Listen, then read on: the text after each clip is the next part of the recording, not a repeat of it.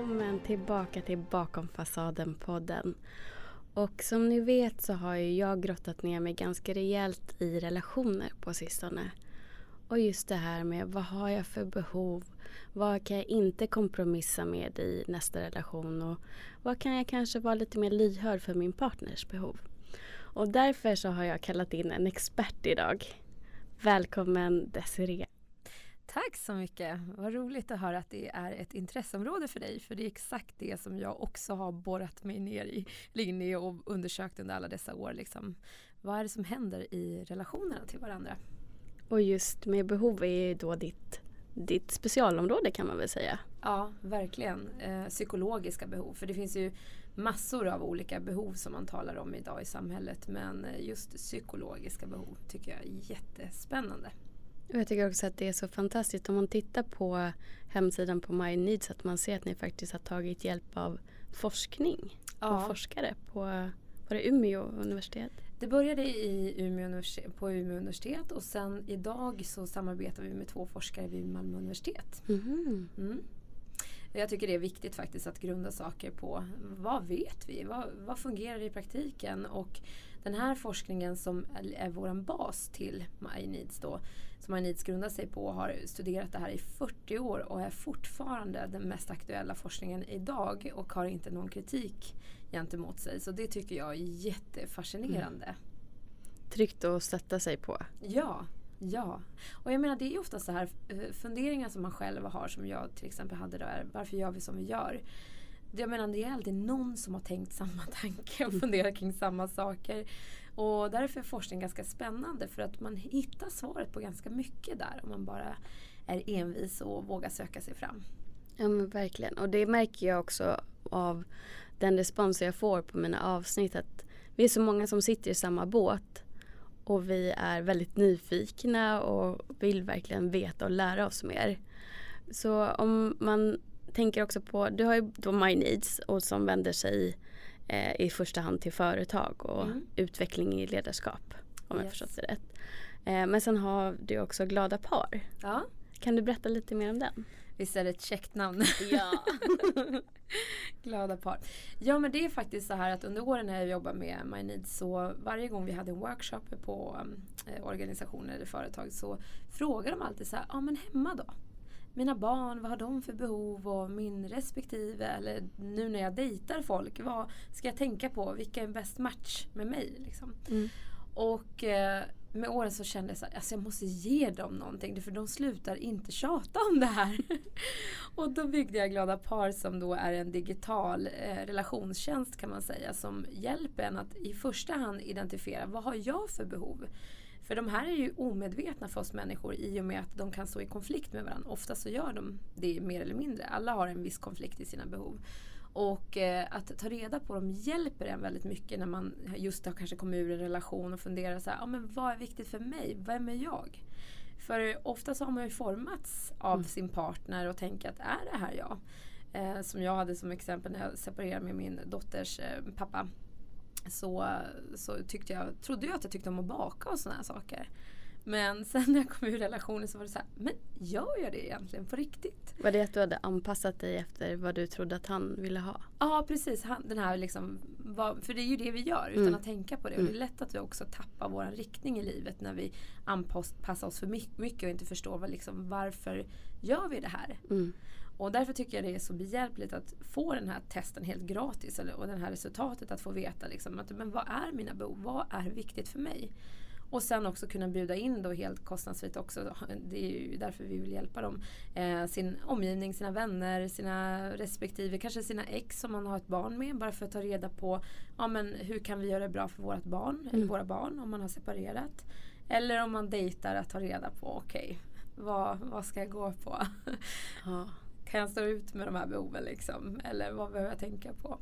Ja och det är väldigt pricksäkert. Jag gjorde testet efter jag hade hört dig i Så kan det gå-podden. Ja. Och jag kände mig verkligen såhär, nej men gud vem, är det som har läst min dagbok? Alltså det var verkligen sådär så att det var brutal sanning på något Aha. sätt. Men samtidigt vet jag, jag har ju insikter om att jag vet att jag kan eh, vilja bidra för mycket. Att det blir lite att jag anpassar mig eller overplease eh, på något sätt. Att jag måste vara insiktsfull hela tiden och se balansen så att det inte blir att jag blir helt utbränd för att jag bara ska finnas till för andra eller min Mm. partner.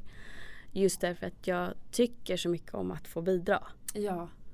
Visst är det fascinerande. Jag har ju också bidra som behov. Eh, om vi ska prata om behov då. Ja. Eh, och det där var ju en insikt att man mår ju bra av att bidra. Men det är också det här att det får inte bli overdose som jag Mm. brukar säga. Att man måste hitta en bra nivå så att det inte tar ut den. För det som man oftast tycker om att göra är ju också det som kan slå över åt andra sidan också. Mm. Så det gäller ju att finna den där balansen där. När man gör, ehm, eller om du har ett par då som kommer till dig och får de göra det här testet då initialt eller ska de ha gjort det innan?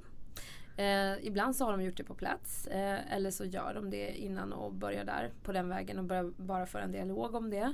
Och sen så vill de jobba vidare oftast med det lite senare. Men det är ofta så är det via Myneeds som många kommer in så här VD och så som blir så här okej vänta nu hemma tar väldigt mycket energi just nu det som händer här hemma. Eller jag jobbar väldigt mycket och hur ska jag få stöttning hemifrån så att det är okej. Så Mm. att inte jag försummar min relation och mina barn. Och då brukar det oftast leda till att de bara, men du Desirée, skulle inte vi kunna göra lite My Needs-terapi? Ja. Som är då baserad på också glada par då. Eh, och det är ju fantastiskt att kunna se familjer som har haft väldigt svårt att förstå varandra helt plötsligt liksom komma till insikt och få ett gemensamt språk Mm. kring vad som är viktigt för dem. Handlar det egentligen om att man ja, förstår såklart den andra och sig själv men också att man lär sig kommunicera behoven på ett annat sätt än man tidigare. Precis, och att inte anta att andra har samma behov som en själv. Det är väl Mm. vår största eh, ja, vad ska säga, fördom i, i världen att behandla andra som du själv vill bli behandlade. Eh, och har man inte samma behov så misslyckas man ganska ordentligt där. Mm. Eh, så min partner vi har ju helt andra behov och eh, där så säger jag till honom så här nu, utgår, jag- nu gör jag det här för dig och dina behov för att du är viktig för mig. Mm. Men det här är inte mina behov. För att vara tydlig att det här är en kompromiss som jag gör. Det här är inte någonting jag gör som skapar en tillfredsställelse hos mig. Men att det blir ett givande och tagande på ett rätt nivå om man säger så. Eller på en konstruktiv nivå. Men det är väldigt vettigt. Hur många behov är det då som man ser som grundbehoven? Om jag gör det här testet, då är det två stycken jag får fram då. Ja precis, du får två stycken som är de viktigaste. Alla har ju alla sex behov men man har två stycken som är de primära. Och, de, och hur de, eh, relationen mellan dem har en avgörande eh, Ja, alltså det här, det här går ju att gå hur djupt som Mm. helst i. Vi har ju förenklat det här så mycket Mm. som det bara går för att människor ska kunna liksom ta till sig det här. För människor är komplexa och eh, de här graderna och hur exakt de hänger ihop är ju, liksom, finns det jättemycket att analysera kring. Men vi väljer som att först börja med att okej, du har två behov. Hur kolliderar de här med varandra och hur, hur gör de när de fungerar för dig? Och så utgår vi från det och så tittar vi sen nästa dimension, din partner då kanske. Och då blir det ju komplext. Men vänta nu, vi har ju helt olika behov här. Och då brukar jag titta på parens olika behov och så titta på okej, vad har ni gemensamt? Vad tycker du om och vad tycker den andra om? Och så tittar man också, okej vad är era allergier också? Mm. För att veta, okej vad kan ni göra nu då gemensamt och vad kan ni undvika för att liksom få den här bra matchen mellan varandra. Jag har haft, haft många par som, som aldrig kan egentligen nästan bli lycklig gemensamt. För att när den andra är lycklig så är det på bekostnad av den andras behov. Oj. Och då blir det komplext och så blir det så här frustration för då förstår de inte varandra. De har hamnat i en sån här evighetssnurra liksom, när det Mm. kom, återkommer samma problem hela tiden. Eh, där man tänker så här att ja men du gillar ju överraskningar, eh, då borde jag ju kunna överraska, överraska dig. Alltså att Mm, man tänker mm. att man kan ge det man själv får Mm, och så mm. blir det katastrof och de förstår inte varför. Jag borde ju tycka om det här för jag gör ju så till min partner. Vad är det som händer här? Mm. Ja men du tycker om att överraska när du, när du tar initiativet och har kontroll på läget. Den andra tycker inte om det. Och då blir det så väldigt svårt att förstå varför. För att man får lära sig hur man kan komplettera varandra istället. Ja, och förstå att ja, men okej, det är inte lika. Bara för att du gör så betyder inte att jag tycker om det. Så att, Mm. eh, och hitta, liksom en, hitta spelregler egentligen kring hur ska vi hantera sådana här situationer så att det blir bra för båda. Mm. Kan du ge ett exempel som är vanligt eller väldigt tydligt? Ja, brukar, vi brukar dela upp dem som en fyrfältare egentligen. Och eh, då har vi två sidor som är, där det är störst konflikt oftast i relationer. Och det är mellan den individualistiska sidan och den kollektivistiska sidan. Och individualistiska sidan, då är det viktigast att jag mår bra. För det här med syrgasmasken, att om jag mår bra då kommer de andra må bra antar man. Mm.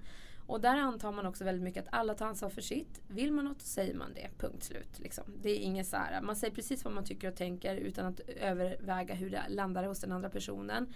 Och antar att alla andra tar ansvar för sitt. På andra sidan, på kollektivistiska sidan, då är ju relationerna det allra, allra viktigaste, samhörigheten. Alltså att, vad tycker alla andra? Hur ska jag kompromissa för att vi ska liksom finna en bra liksom, relation mellan varandra? Så där är liksom laget före jaget. Och där glömmer man ofta sig själv. Så mm. där har man någonting att lära sig från båda sidor.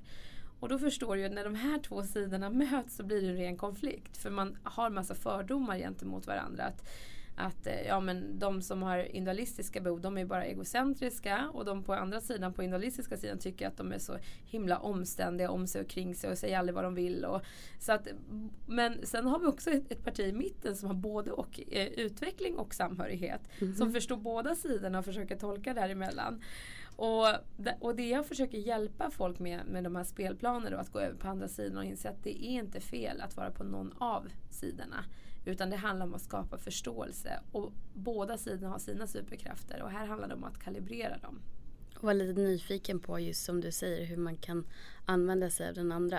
För ja. det som dyker upp i mitt huvud det är ju den här som säger Du tänker bara på dig själv och ja. den andra bara Ja men du kan aldrig ta egna beslut, du ska alltid höra vad alla andra tycker. Att det blir liksom där i krocken. Exakt, och det är oftast, vi attraheras ju oftast till partners som inte har våra egna behov. Mm. Eh, för att det är oftast det vi har fått kritik för i livet, alltså det vi inte är lika bra på. Till exempel, jag har ju då bidra utveckling så jag får ju oftast kritik kring att ja, men du har ingen struktur Desirée, det är ingen ordning och reda. Liksom, allting är så spontant och i, i känslan liksom, just här och då. Och då är det klart att jag blev tillsammans med min dotters pappa som var högt på trygghet. Och var ju liksom riskminimerarens mästare. Liksom.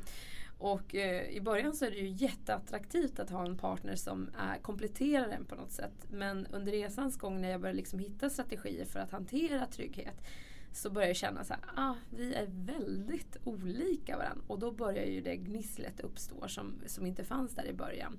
För att man ser saker utifrån helt olika perspektiv. Mm.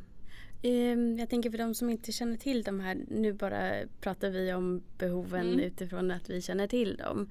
Men för de som lyssnar nu, är det, det är sex stycken mm. vi pratar om. Kan du bara ta en liten genomkörare där? Ja, precis. Eh, som sagt, alla har två stycken som är viktigast för en. Men om vi börjar liksom det finns ingen speciell ordning eller följd eller sådär. Eh, de som har utveckling, det är de som går igång på mål och resultat. Det är ett ganska vanligt behov i Sverige, just där vovve, villa, Volvo, kanske privat. Eller att jag ska ha mål med de sakerna jag jobbar med. Att jag vill känna att ja, men det här bidrar till ett resultat och, och så vidare. Och det är de enda som går igång på mål och resultat. Och det är lite spännande med tanke på vårt samhälle som är helt uppbyggt på det. Att jaha, vad ska ni göra nu då? Är det dags att skaffa barn? Eller ska ni flytta ihop? Eller vad ska ni göra nu då? Eller på jobbet? Okej, okay, nu har du jobbat här i tio år. Vad är nästa steg då? Det är liksom det vanliga sättet att, för dem att tänka. Det är ganska intressant när de möter en person som inte har utveckling som behov. Och bara, du har jobbat i 25 år, hur tänkte du här? Bara, ja, men jag trivs att jobba här. Liksom. Det är ju inget fel med det. Sen har vi då samhörighet. Eh, samhörighet också det vanligaste behovet i Sverige. Eh, och många i världen också såklart. Men om vi tittar på Sverige som mm, land. Mm. Och det är de enda som egentligen tar hänsyn till relationerna. På riktigt. Okay. Eh, som tycker att det här med inkludering är viktigt, lika för alla. Eh, att eh, liksom känna in den här känslan i rummet och det här oförstådda. Liksom, så bara, underförstådda. vad är det Helena gillar för någonting? Eh, Okej, okay, jag kanske ska göra mer så och så. Och man har ju liksom ögonen mer på andra än sig själv. Så att de är fenomenalt duktiga på att komma ihåg barnens namn och alla de här högtidsdagarna och sådana saker som en annan som inte har samhörighet glömmer hela tiden. Och jag är så imponerad av det. Och det kan jag också tillägga att varför är det så att vi kommer ihåg det då, de som har samhörighet till exempel.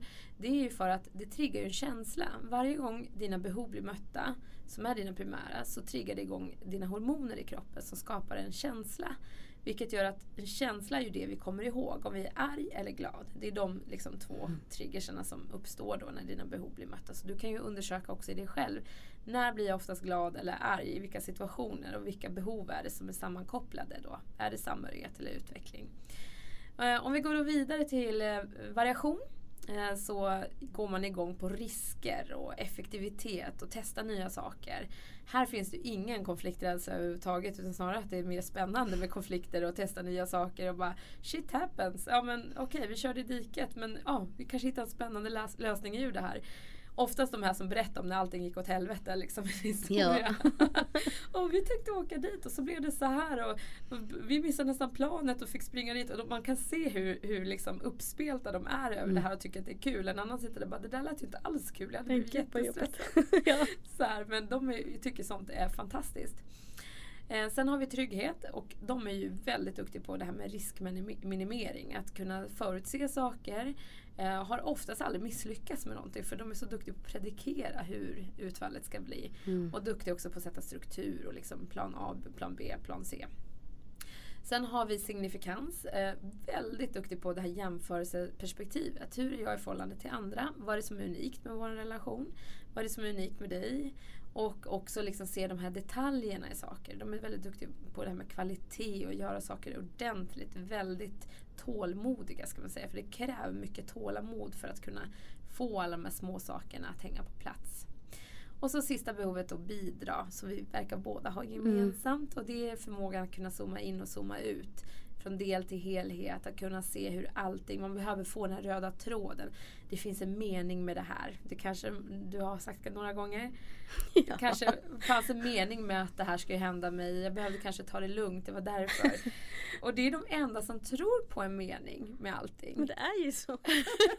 Exakt! Och det är det här vi tror. Alltså att det, det, måste vara så för alla. Och när jag intervjuar personer som inte har bidrag, bara men gud alltså vilka naiva idioter. Alltså tror de att det finns en mening med allting? Alltså nej det är inte meningen. Du, det gick ju dåligt liksom. Så här, det, du får skylla dig själv. Men, men för de som har bidrag som behov så är det jätteviktigt att se den här meningen med allting. Man mm. söker mm. den där röda tråden. Mm. Varför händer det här? Jo för att så. Men då är kruxet att vi har två. Det är därför de här blir oftast omedvetna, de här psykologiska behoven. För om du har variation och trygghet som dina primära behov och så sitter du liksom i ett möte med någon eller jag sitter här med dig och så tänker jag Gud vad roligt att vara med i den här podden. Och så går jag ut i rummet och tänker så här, ah, knacka trygghet på. Men du, vet du någonting om den här podden? Alltså tänk om du säger någonting tokigt där. Då kommer det här ju liksom eh, hänga efter dig resten av ditt liv. Det här är kanske inte alls en bra idé. Det är oftast då de ringer tillbaka till dig och säger Helena, du, jag ångrar mig. Jag tänker inte komma på den här podden. Och de förstår inte varför. De tänker kanske att man är velig. Mm. Men det är ju när ett behov inte har haft konferens med varandra. Ah. Som det blir, uppstår de här situationerna. Aha, gud nu trillar paletten ner för mig. Ja. Vad tänkte du då? Det där kan jag känna igen. Just att jag kan tycka att någonting låter jätteroligt. Mm. Och sen bara tycka att nej men gud vad jobbigt för jag har inte full kontroll över vad som ska hända. Ja. Kan du ha några exempel på det? Det kan vara eh, och det har ju också med högkänsligheten att göra, mm. HSP. Eh, att någon bjuder mig till en eh, större fest där jag kanske egentligen bara känner värden eller värdinnan. Mm. Och då är den delen av mig som tycker att det är jättekul att träffa nya människor och prata om eh, väder och vind eller ja, jag vill ju gärna ha djupa samtal men att jag brukar hitta liksom det även hos eh, nya bekantskaper. Eh, samtidigt som att jag har också erfarenheter av att jag har hamnat på sådana fester och inte haft någon som är ett dugg sugen på att prata om någonting på djupet och inte hittat någon att prata med. Och att det var så jobbigt och jag ville bara gå därifrån och inte sätta mig i den situationen igen. Ja. Och då kommer väl förmodligen det här minnet krocka med minnet av när det har varit jätteroligt. Men det här är jättespännande för du har ju bidrag som ditt primära behov. Mm. Och när man har bidrag som behov är det jätteviktigt med de här djupa dialogerna. Och sen tar man jättemycket ansvar för att alla ska ha det trevligt på festen. Så man kan oftast inte slappna av på en fest förrän man ser att alla har roligt. Då går man oftast till den här utstötta personen som står i kanten där och bara hej, hur är läget? Så man tar som ansvar för att alla ska ha det liksom bra. Mm. Och det gör ju att man inte kan slappna av och då blir det en så här, oftast en destruktiv känsla igen. Så att eh, det där känner jag verkligen igen. Jag måste ha koll på liksom i form av att ja, men vilka där kan de ta ansvar för sig själv. Mm. Så att jag också kan slappna av. Exakt. För annars så tar man in och tar in så mycket ansvar också. Mm. Ja verkligen. Jag var faktiskt på en eh, födelsedagsmiddag igår. Mm. Med eh, folk som jag inte kände eh, förutom hon som fyllde år. Men det blev så bra för vi var så väldigt lika. Eh, så det blev att alla slappnade av och bara pratade på. Ja. När vi märkte att ja, men, ja, men exakt sådär menar jag också. Ja men sådär tänker jag också. Och, eh, att man liksom hittade så mycket gemensamma punkter så att jag kände liksom inte riktigt att, att jag behövde ha koll på att alla mådde bra för att jag kände att alla mådde bra. Mm. Medan i början av kvällen, det var första tiden bara då, då, och gud, alltså det här är så typiskt mig. Då var det någon som bara, men gud jag vet inte vad jag kan äta med pinnar. Nej men det finns bestick där, kommer jag. Titta Ah, här kan du Ja, få. då skulle det bidra. Eh, vill alla ha vatten? Ja. var liksom, jag var bara, "Nej, men gud slappna av. Ja. Kan ta eget vatten. Alltså det där, men det är ju det är autopiloten som kickar in i sina behov där. Att man tar sig an den rollen som har skapat en positiv känsla någon Mm. gång i olika situationer. Att det är ju så man uppskattar själv att bli bemött för då känner man sig inkluderad i ett sammanhang och då går man in i det där. Mm. Och så tänker man, ja men det kanske är fel för att någon annan med något annat behov har då sagt så här, Men Helena, måste du alltid ta ansvar för alla? Mm. Och tänker man, nej men nu är jag här igen. Ja men det är ju någonstans så ger det ändå en skön känsla. Mm. Men det får inte gå till överdrift att inte du kan slappna av liksom. Och det här kan man använda den här tekniken då att förstå att ja, nu är det mitt bidragsbehov som kickar in. Helt okej. Men jag tänker inte agera mer på det. Då har, nu har jag bidragit resten av kvällen. Nu räcker det. Mm. Nu ska jag fokusera på att hitta något spännande samtalsämnen istället och fokusera kanske på några personer. Mm. För att också hitta den här liksom rätta balansen i den situationen. Ja, verkligen. För att gå tillbaka till parrelationer då. Ehm, när, när det krockar både inom en själv och med partners behov. Mm. Hur brukar du liksom hjälpa till att lösa sådana saker? Ja men just det, det handlar om att först beskriva liksom, vad är behoven eh, vardera. Liksom att, eh, jag kan ta upp ett exempel på ett par till exempel som jag jobbar med. Eh, som ena har utveckling och variation. Han gillar ju att vara väldigt spontan och påhittig och eh, testa nya saker. Det ska alltid hända någonting varje helg. Så han är så här, men där har vi aldrig varit, dit kan vi åka. Och har ingen framförhållning överhuvudtaget.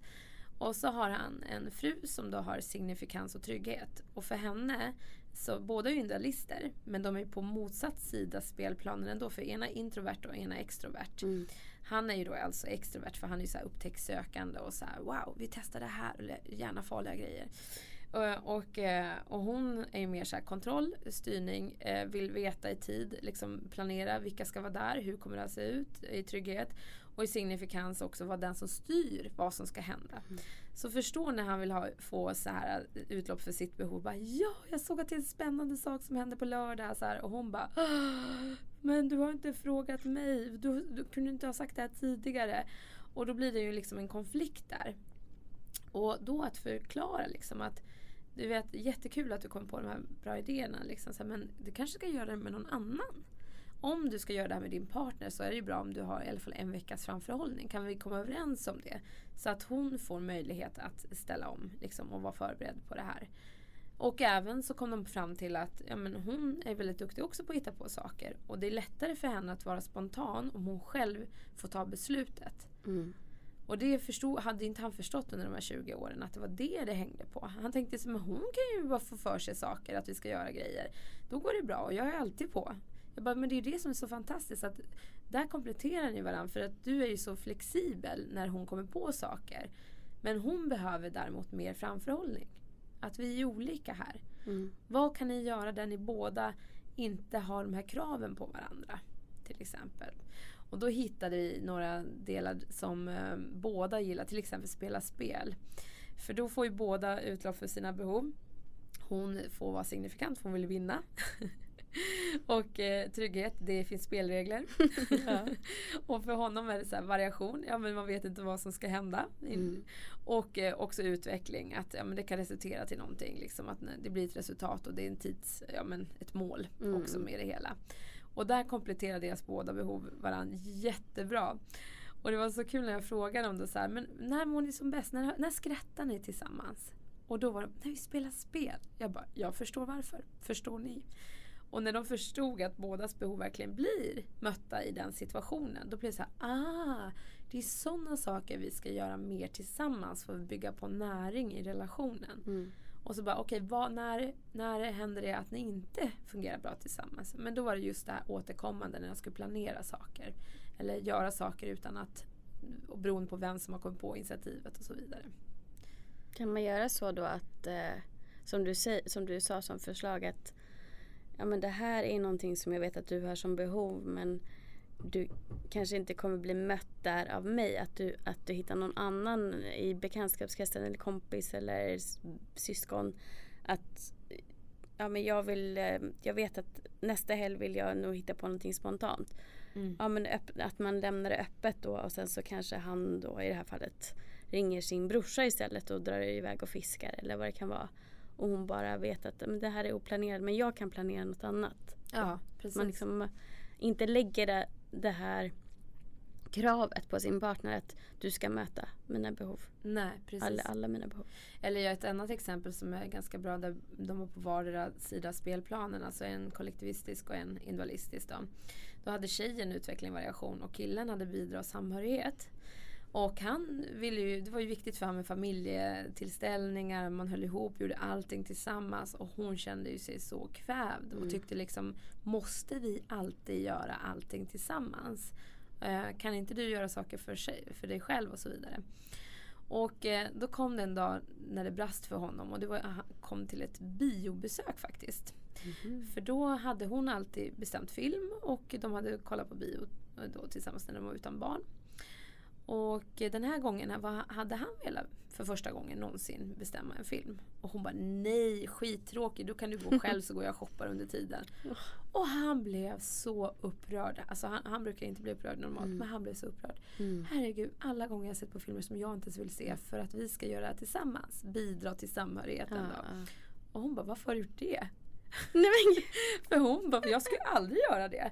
Jag har inget problem med att inte du följer med mig på bio. Alltså jag menar, va, vadå? Va, varför, varför? Och så kommer det ju fram att han till och med tatuerar in en hel sliv på ena armen för att hon hade sagt vid något tillfälle att men det är så attraktivt med killar som har en sån här tatuering över hela armen. Han bara, jag vill inte tatuera mig men jag vill göra det för din skull. Det var som en överraskning. Wow. Och hon bara, va? Och så sen äh, så kommer det upp mer och mer under det här terapisamtalet då att han var så besviken att inte hon ville umgås med alla hans kompisar. Och då förklarade jag för dem att ja, men, den här tjejen då i relationen, hon, hon vill ju mer ha utvecklande dialoger, de här som var äventyrliga och hitta på saker. Och för han spelar det ingen roll vilka de umgicks med för det handlar om samhörigheten mer. Att ja, men de här, det är våran krets, mm. vi ska vara tillsammans med dem. Och då fick vi sätta oss ner och skriva ner på papper. Okej, okay, vilka tycker du är viktigast till den här tjejen? Ja men de här är roliga. Och de här tycker jag om. Men de andra, nej, då, då, då, vill, då klarar jag mig utan. Alltså, jag kommer vara så dränerad. Så jag kommer inte vilja, liksom, vi kommer inte ha en trevlig kväll om vi ska umgås med dem efteråt. För att jag kommer vara helt slut. Mm. Aha, okej, okay. men de här då? Och, så när, och de andra kan vi umgås med eh, alltså enskilt då.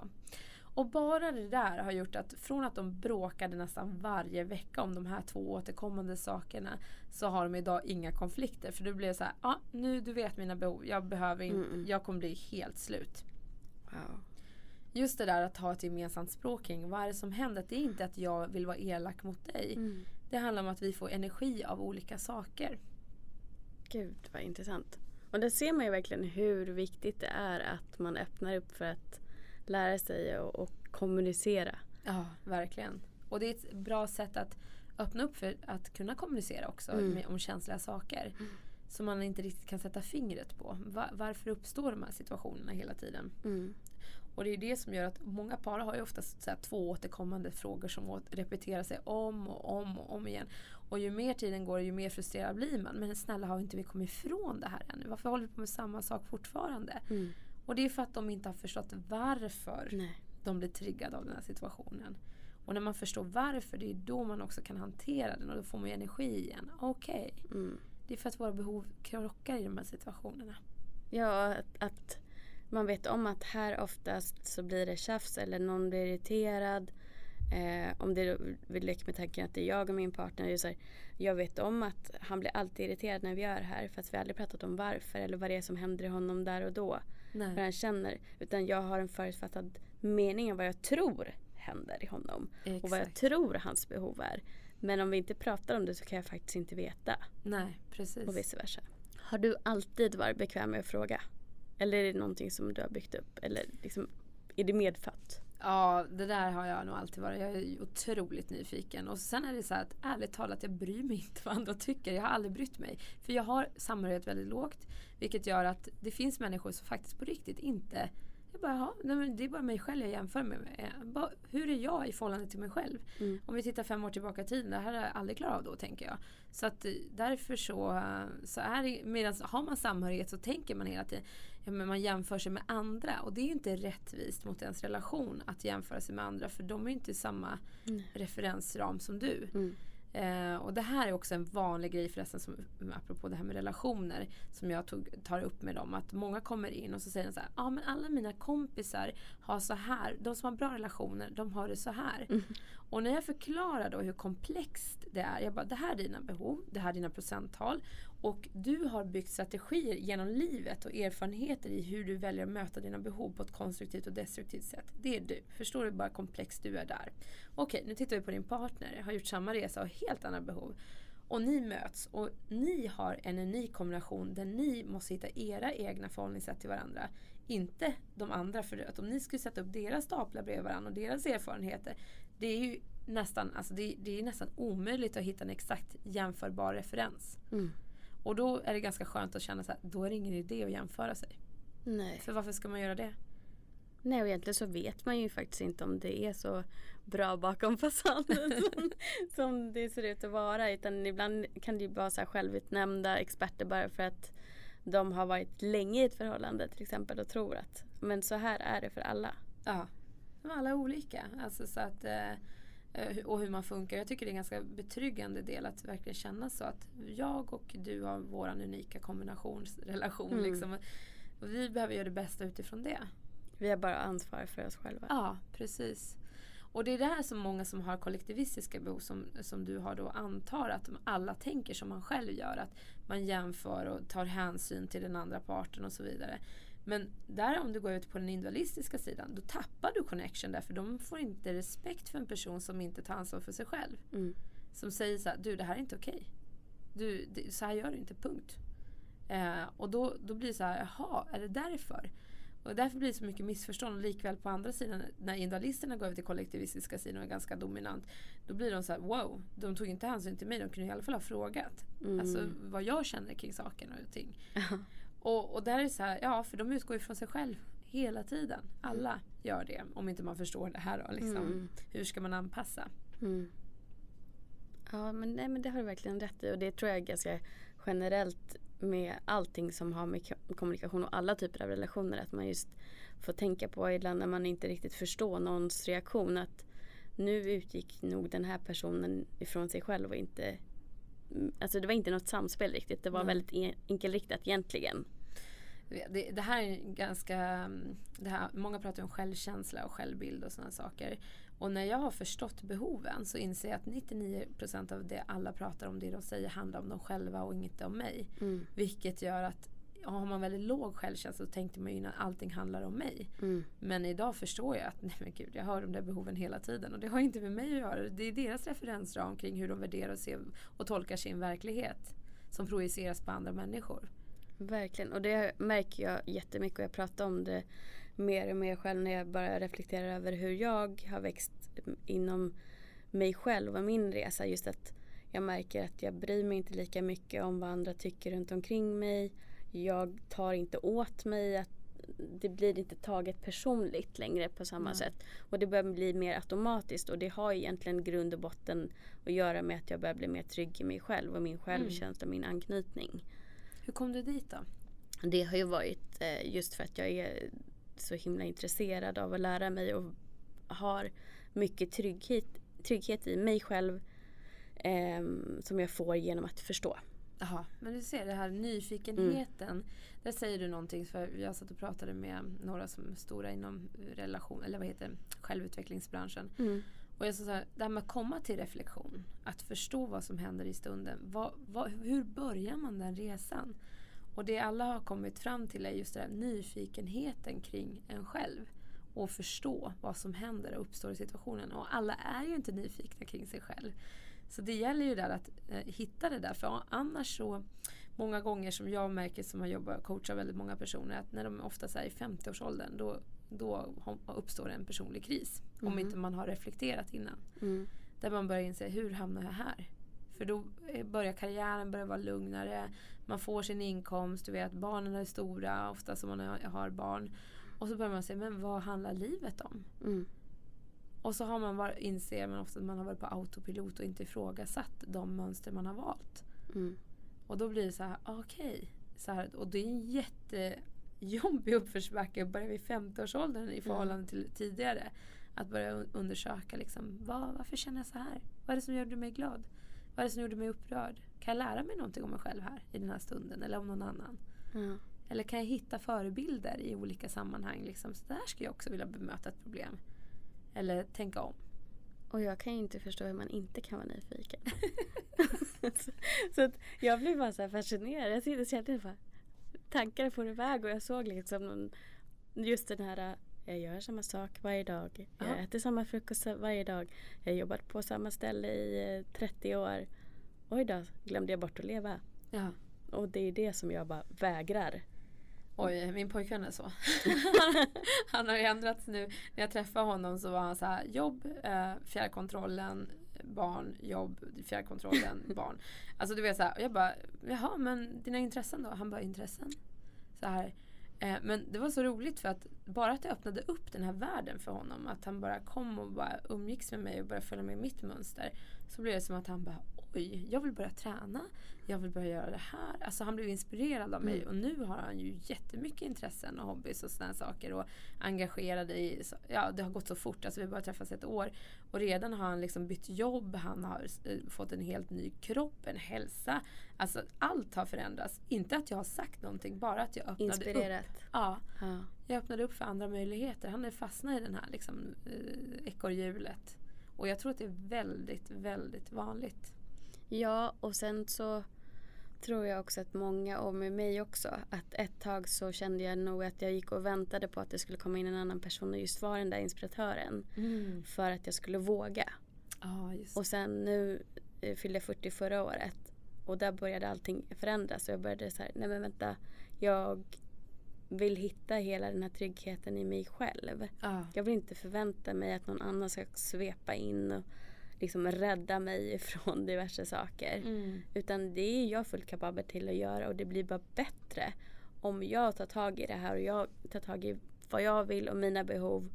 Sen blir det jättehärligt om det dyker upp en till men då blir det en bonus. Ja, precis. Och ju mer jag gjort det just det här året har jag verkligen så dedikerat till att lära mig mer om mig själv och sen starta podden har bara blivit någon som har ja, start, liksom öppnat ögonen ännu mer för hur stort hela området är och hur mycket det finns att lära och att så mycket olika människor som jobbar med behov som du gör till exempel mm. eller någon jobbar med personlig utveckling, livscoaching. Men det är så mycket gemensamma nämnare så man kommer egentligen ner till samma sak. Ja, verkligen. Det var den resan gjorde jag också och insåg att ja, det är samma saker det handlar om. Men hur kan man hitta den här liksom självoptimeringen snabbare? Och det är någonting jag brinner för för att jag tror att eh, personlig utveckling kommer vara vår nya valuta i och med att tekniken går så fort framåt, världen går så fort framåt. Och de som inte har investerat i sin personliga utveckling kommer ha en stor utmaning i framtiden att vara ett värde.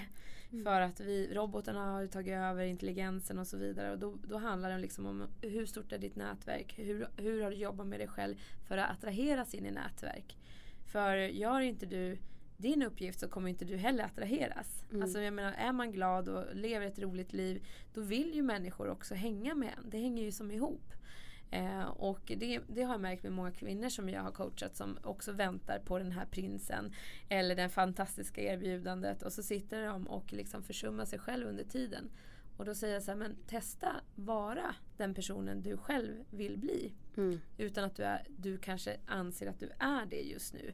Men testa vara det, bara klä in dig i den kostymen. Hur skulle den klä sig? Vilka rutiner skulle de ha? Vad skulle de göra? Vilka ska de hänga med? Eh, och då kommer saker att hända. Mm. Men om du fortsätter på samma sätt så kommer ju ingenting mest roligt hända. Mm, exakt. Så, mm. Det går inte bara att sitta och vänta. Nej, verkligen inte. Och det kan jag ta som exempel när jag flyttade till Stockholm eh, för två år sedan nu. Alla bara, det är så svårt i Stockholm att komma in i kretsar och så här. Alltså vet du, folk frågar mig varje dag, ska vi hänga? Jag vill bli kompis med dig för jag kommer in och bara hej, jätte, du vet Mm. jag har ju alltid energi, jobbar med, aktivt med att ha hög energi. Mm. För det är ingenting som kommer gratis, det är något jag måste jobba för. Att liksom ta ansvar för mig själv, hitta balansen för att jag ska kunna bli mitt bästa jag. Och när jag är mitt bästa jag då blir det så här folk bara, "Va- vad, vad gör du liksom? Jag vill bara Mm. vara i närheten av det, jag vet inte varför. Ja men det förstår jag, det kände jag bara när jag hittade dig. Ja. Jag bara, det är någonting med henne. I wanna be close to you. And you are. ja precis, jag lyckades. Nej, du fångar in mig. Oh, men gud vad härligt. ja, jag tror det. De här singelkvinnorna som du coachar. Mm. Vad är det då förutom att de väntar på prinsen på den vita springaren som du känner gemensamt? Oj, det finns ganska mycket. Man kan se ganska tydliga mönster tycker jag i många relationer. Och det är det här också rimliga krav, förväntningar. Och också så märker jag att många förväntar sig att sin partner ska vara perfekt från början. Mm. Det är det där att hitta rimliga förväntningar och också jobba med sig själv. Att inte bli den här desperata personen som ska ha allting på en gång. Liksom. För det är inte attraktivt. Och inte tro att eh, den personen du träffar på en gång är någon som du verkligen vet vem det är. Utan Nej. man lär sig med tiden. Man ser hela tiden nya sidor hos varandra och hos sig själv också. Ja, verkligen. Och det tar tid. Mm. Det, och det har jag verkligen respekt för. Att, att eh, komma över den här förälskelsefasen. Och det är då verkligen den riktiga fasaden eller den riktiga människan kommer fram utan alla de här hormonpåslagen. Och då börjar man ju se de här irritationsmomenten som man också kan reducera genom att prata om dem innan det blir påtagligt att man lever i det. Mm. För då kommer det oftast uppstå mer hinder liksom, än att man tar tag i det innan. Mm. Mm, verkligen. Men jag, jag dejtade en kille lite grann eh, för ett tag sedan som hade tre barn och jag har inga barn. Ehm, han hade, kan jag tänka mig utifrån behov, behov av att vara samhörighet på ett annat sätt än vad jag har. Och jag har ganska stort behov av att vara för mig själv. Mm. Det är vanligt när man bidrar, man behöver liksom hämta energi Ja, på det sättet. Ja. Och han började prata väldigt tidigt om att eh, ja, men skulle du kunna tänka dig flytta ihop och sådana saker. Och jag tänkte liksom herregud, vi har knappt liksom börjat, börjat dejta men det var ändå väldigt tidigt för mig att jag sa att det känns jättelångt bort för mig Mm. att göra det för att jag har bott själv så otroligt länge nu. Och så att det, för det första skulle det vara en otrolig omställning Exakt. och sen behöver jag fortfarande hitta den här ensamtiden. Mm. Så att visst, du kan bo hos mig de veckorna du inte har barnen. Mm. Och, men då vet jag att då kan jag planera att jag får in min återhämtning på ett annat sätt den veckan när, när du har barnen. Precis. Att det känns inte som att den traditionella vägen så att säga inom situationstecken är, är min väg. Nej. Nej men det där är jättebra det du säger för att någonstans om man dejtar varandra och träffas under ja, ett års tid och man får vara hos varandra varannan gång då ser man ju så aha det här är din standard det där är min standard och okej vad är det vi, där, hur ska vi kalibrera det här på ett Mm. bra sätt och också så här att man verkligen dejtar varandra att när man väl ses då gör man någonting för relationen än att det blir den här vardagen för den kommer man ändå ha. Så att jag, jag vill vara den bästa flickvännen för dig och jag vet hur jag själv fungerar. Mm. Gör jag det här då gör jag våld på mig själv och då kommer det inte bli bra för varken dig eller mig. Mm. Kan man säga lite att man får ha lite koll på att när man börjar agera utifrån en person som, eller man känner inte riktigt igen sig själv. Ja, Att det är då, vänta nu är det någonting som inte stämmer. För det här är faktiskt inte riktigt den jag vill vara eller den jag identifierar mig med att vara. ja. Men precis, alltså, är man sin bästa alltså, version av sig själv Mm. då är man ju i en bra relation. Ja. När man, när andra, det, det ser man ju på människor. Gud vilken energi du har. Åh, du är alltid så glad. Ja, och du lever i en relation. Ja, men Mm. då har det ju någonting med relationen att göra också. Att man tar fram det här bästa och stöttar varandra och peppar varandra Mm. i olika lägen. Och man behöver ju inte vara lika varandra för att fungera. Nej. Så att det är ju helt och hållet på vad man fokuserar på. Och sen är det sen apropå relationer så tycker jag också det handlar om lite olika nu, nu är jag i det läget att jag söker inte en pappa till ett barn. Det är, då, då har man andra kvaliteter Mm. tycker jag oftast man söker efter när man var yngre. När Mm. man tittar så här, ja men, ja men han har bra gener, han skulle jag kunna tänka mig att skaffa barn med. Nu tänker man livspartner. Alltså, Ja. För när man är yngre tänker man ju inte hela livet. Det är ju så Mm. långt bort så det blir inte verkligt. När man tänker livspartner tänker man men vad, vem, vad vill jag ha för liv sen då när, när allt det här, när barnen är stora och, man har, och det är bara vi. Mm. Hur vill jag leva mitt liv då så att jag kan känna en fullkomlighet? Mm. Eller om man väljer att inte skaffa barn, att båda är med på den. Ja. Och att man då också redan kanske tidigare ser det just som en livspartner. Vill, Mm. vill vi båda resa, vi kanske vill skaffa något boende säsongsvis utomlands eller Mm. satsa mer på karriären, kanske jobba tillsammans. Ja, Sådana saker. Ja, det väl bra att du påminner om att andra. Alltså, såklart, barn är ju inte en självklarhet för alla. Eh, och det var det inte för mig heller kan jag säga. Utan det var mitt ex som fick mig över på den sidan. Men, men just det där att jag gillar att tänka långsiktigt i allting. Okej, vad betyder det här om 20 år? Mm. Vart är vi då? Vad är viktigast? Alltså, är städningen det viktigaste om 20 år? Liksom? Nej, kanske inte. Det är nog ingenting vi funderar på. Eller vad, vad är det som är det som är, är viktigt för mig i en relation? Och för mig är det ju väldigt mycket tillit. Mm. Och att man känner trygghet också i relationen. Att man vet vart man har varandra och kan vara sig själv och bli accepterad för den man är i relationen. Mm. Ja, gud ja. Jättetydligt också när man hör andra och de frågorna som jag får också med, med just relationer. Och då, då, då brukar jag säga att jag sitter ju inte på någon facit. Jag har ju precis suttit och erkänt att jag har försökt att göra allt för att inte gå in i relationer efter en destruktiv relation i väldigt lång tid. Ehm, men jag tror att många fastnar lite som vi talade om tidigare i den här väntan på att någon annan ska komma och förändra ens Mm. liv. Och man ser sig själv göra om samma mönster om och om igen. Men man justerar inte förväntningarna som du pratade Mm. om. Eller den bilden av vad det man tror att man vill ha eller den man tror att man vill vara. Nej, precis.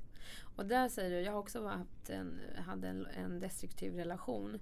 Och eh, där såg jag ett beteendemönster som rep- repeterade sig. Att jag sökte alltid de extrema personerna, för han var extrem.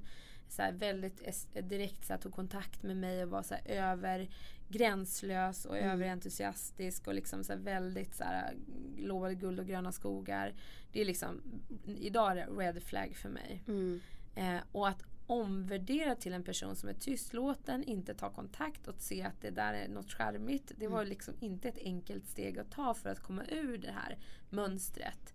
Att eh, våga dejta någon som inte är det här extrema. Mm. Alltså att det får ta tid. Men har man varit i en destruktiv relation där man oftast har haft de här extrema mönstren då, då är det det man jämför med lätt när man träffar en ny person. Att herregud, han tycker inte om mig för han, han säger inte de här sakerna. Mm. Och så Han lovebombar inte dig och Ja. du har inte de här sensationerna hela tiden Nej. rent känslomässigt. Att det, det går inte upp och ner hela tiden och de hö, höga topparna och djupa dalarna. Exakt.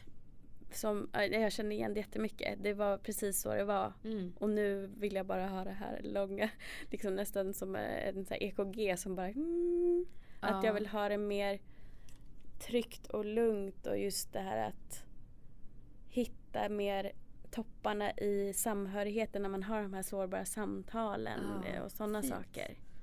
Precis, och det där tycker jag själv. Jag vet inte vad tycker du? Liksom, för att jag tycker det var svårt att ehm, lära sig att uppskatta just den där flatline. Mm, att det inte verkligen. är så, så extremt. För det blir en hormonpåslag också i de relationer som blir destruktivt medberoende. Mm. Att få de här adrenalinkickarna någonstans som man från början inte ens drömde om att man kunde tänka sig bli beroende av. Men det blir ett beroende också.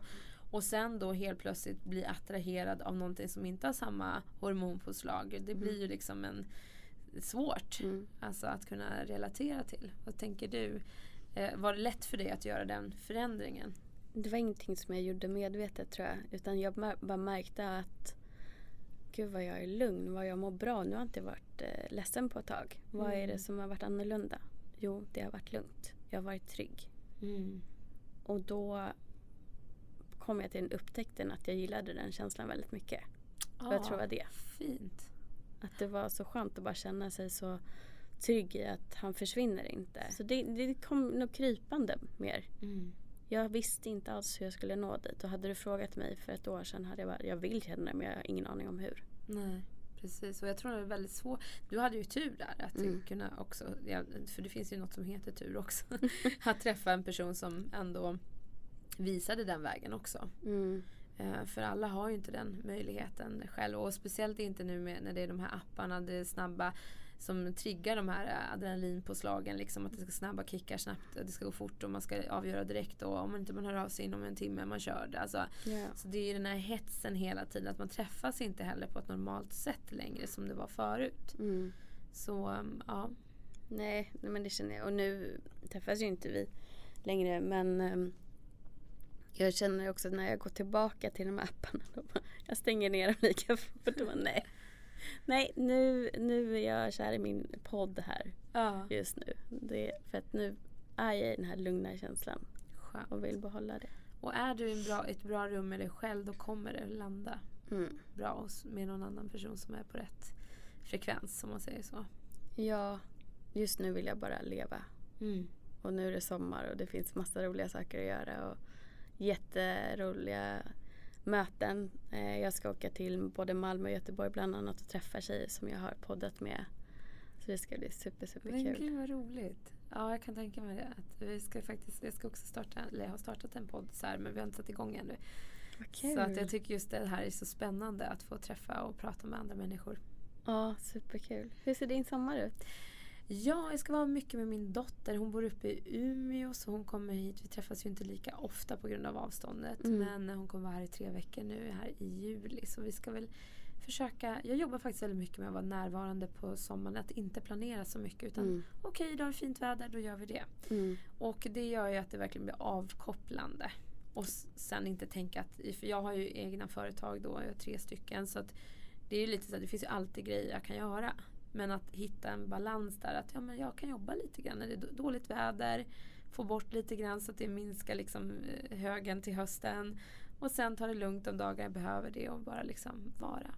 Gud vad skönt. Det kändes som en bra mall för att hela tiden ha energi. Ja, faktiskt. Det är det som är fantastiskt när man är egenföretagare. Att man kan bygga sitt företag utifrån hur man själv fungerar. Mm. Det, det tycker jag är största värdet med det. Att, ja, men när ska jag ta viktiga beslut? Vilken tid på dygnet? När behöver jag vila? När behöver jag följa upp? Och när behöver jag ha en paus? Och så vidare. Så att, ja, det, det är också kul att jobba med det man brinner för också. Ja, gud, det, det förstår jag verkligen. Ehm, tänker att vi ska börja avrunda lite här. Och ehm, då tänker jag, nu har ju vi hört att du coachar både singlar och par och även då såklart på företag.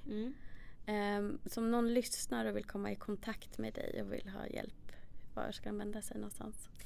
Det, jag finns ju alla sociala medier, Desiree Rova. Eh, annars så finns det också möjlighet att mejla mig på info at myneeds.se eller info at gladapar.se går Mm. också att nå mig på. Så att eh, LinkedIn är jag väldigt aktiv i. Jag brukar ha mycket filmer där varje vecka som jag brukar lägga ut lite tips och tricks och där. Instagram är lite mer mitt ja, liv i, i sin helhet Mm. och så.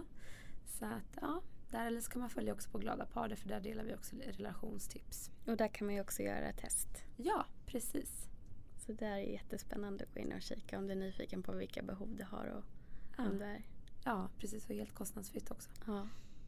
Vad roligt! Ja. Eh, då ska vi bara avsluta med den här återkommande programpunkten Tre råd. Om vi då ska rikta in oss lite grann på relationer och behov. Tre råd som du vill ge dem som lyssnar. Var nyfiken. Anta inte att boken är färdigläst bara för att ni kan varandras stories utan och innan. Att verkligen fundera att vi, vi är ju ständigt under utveckling. Och var nyfiken på den resan. Att alltid tänka att, att det, det händer nya saker. Och att glöm inte att fråga, följa upp.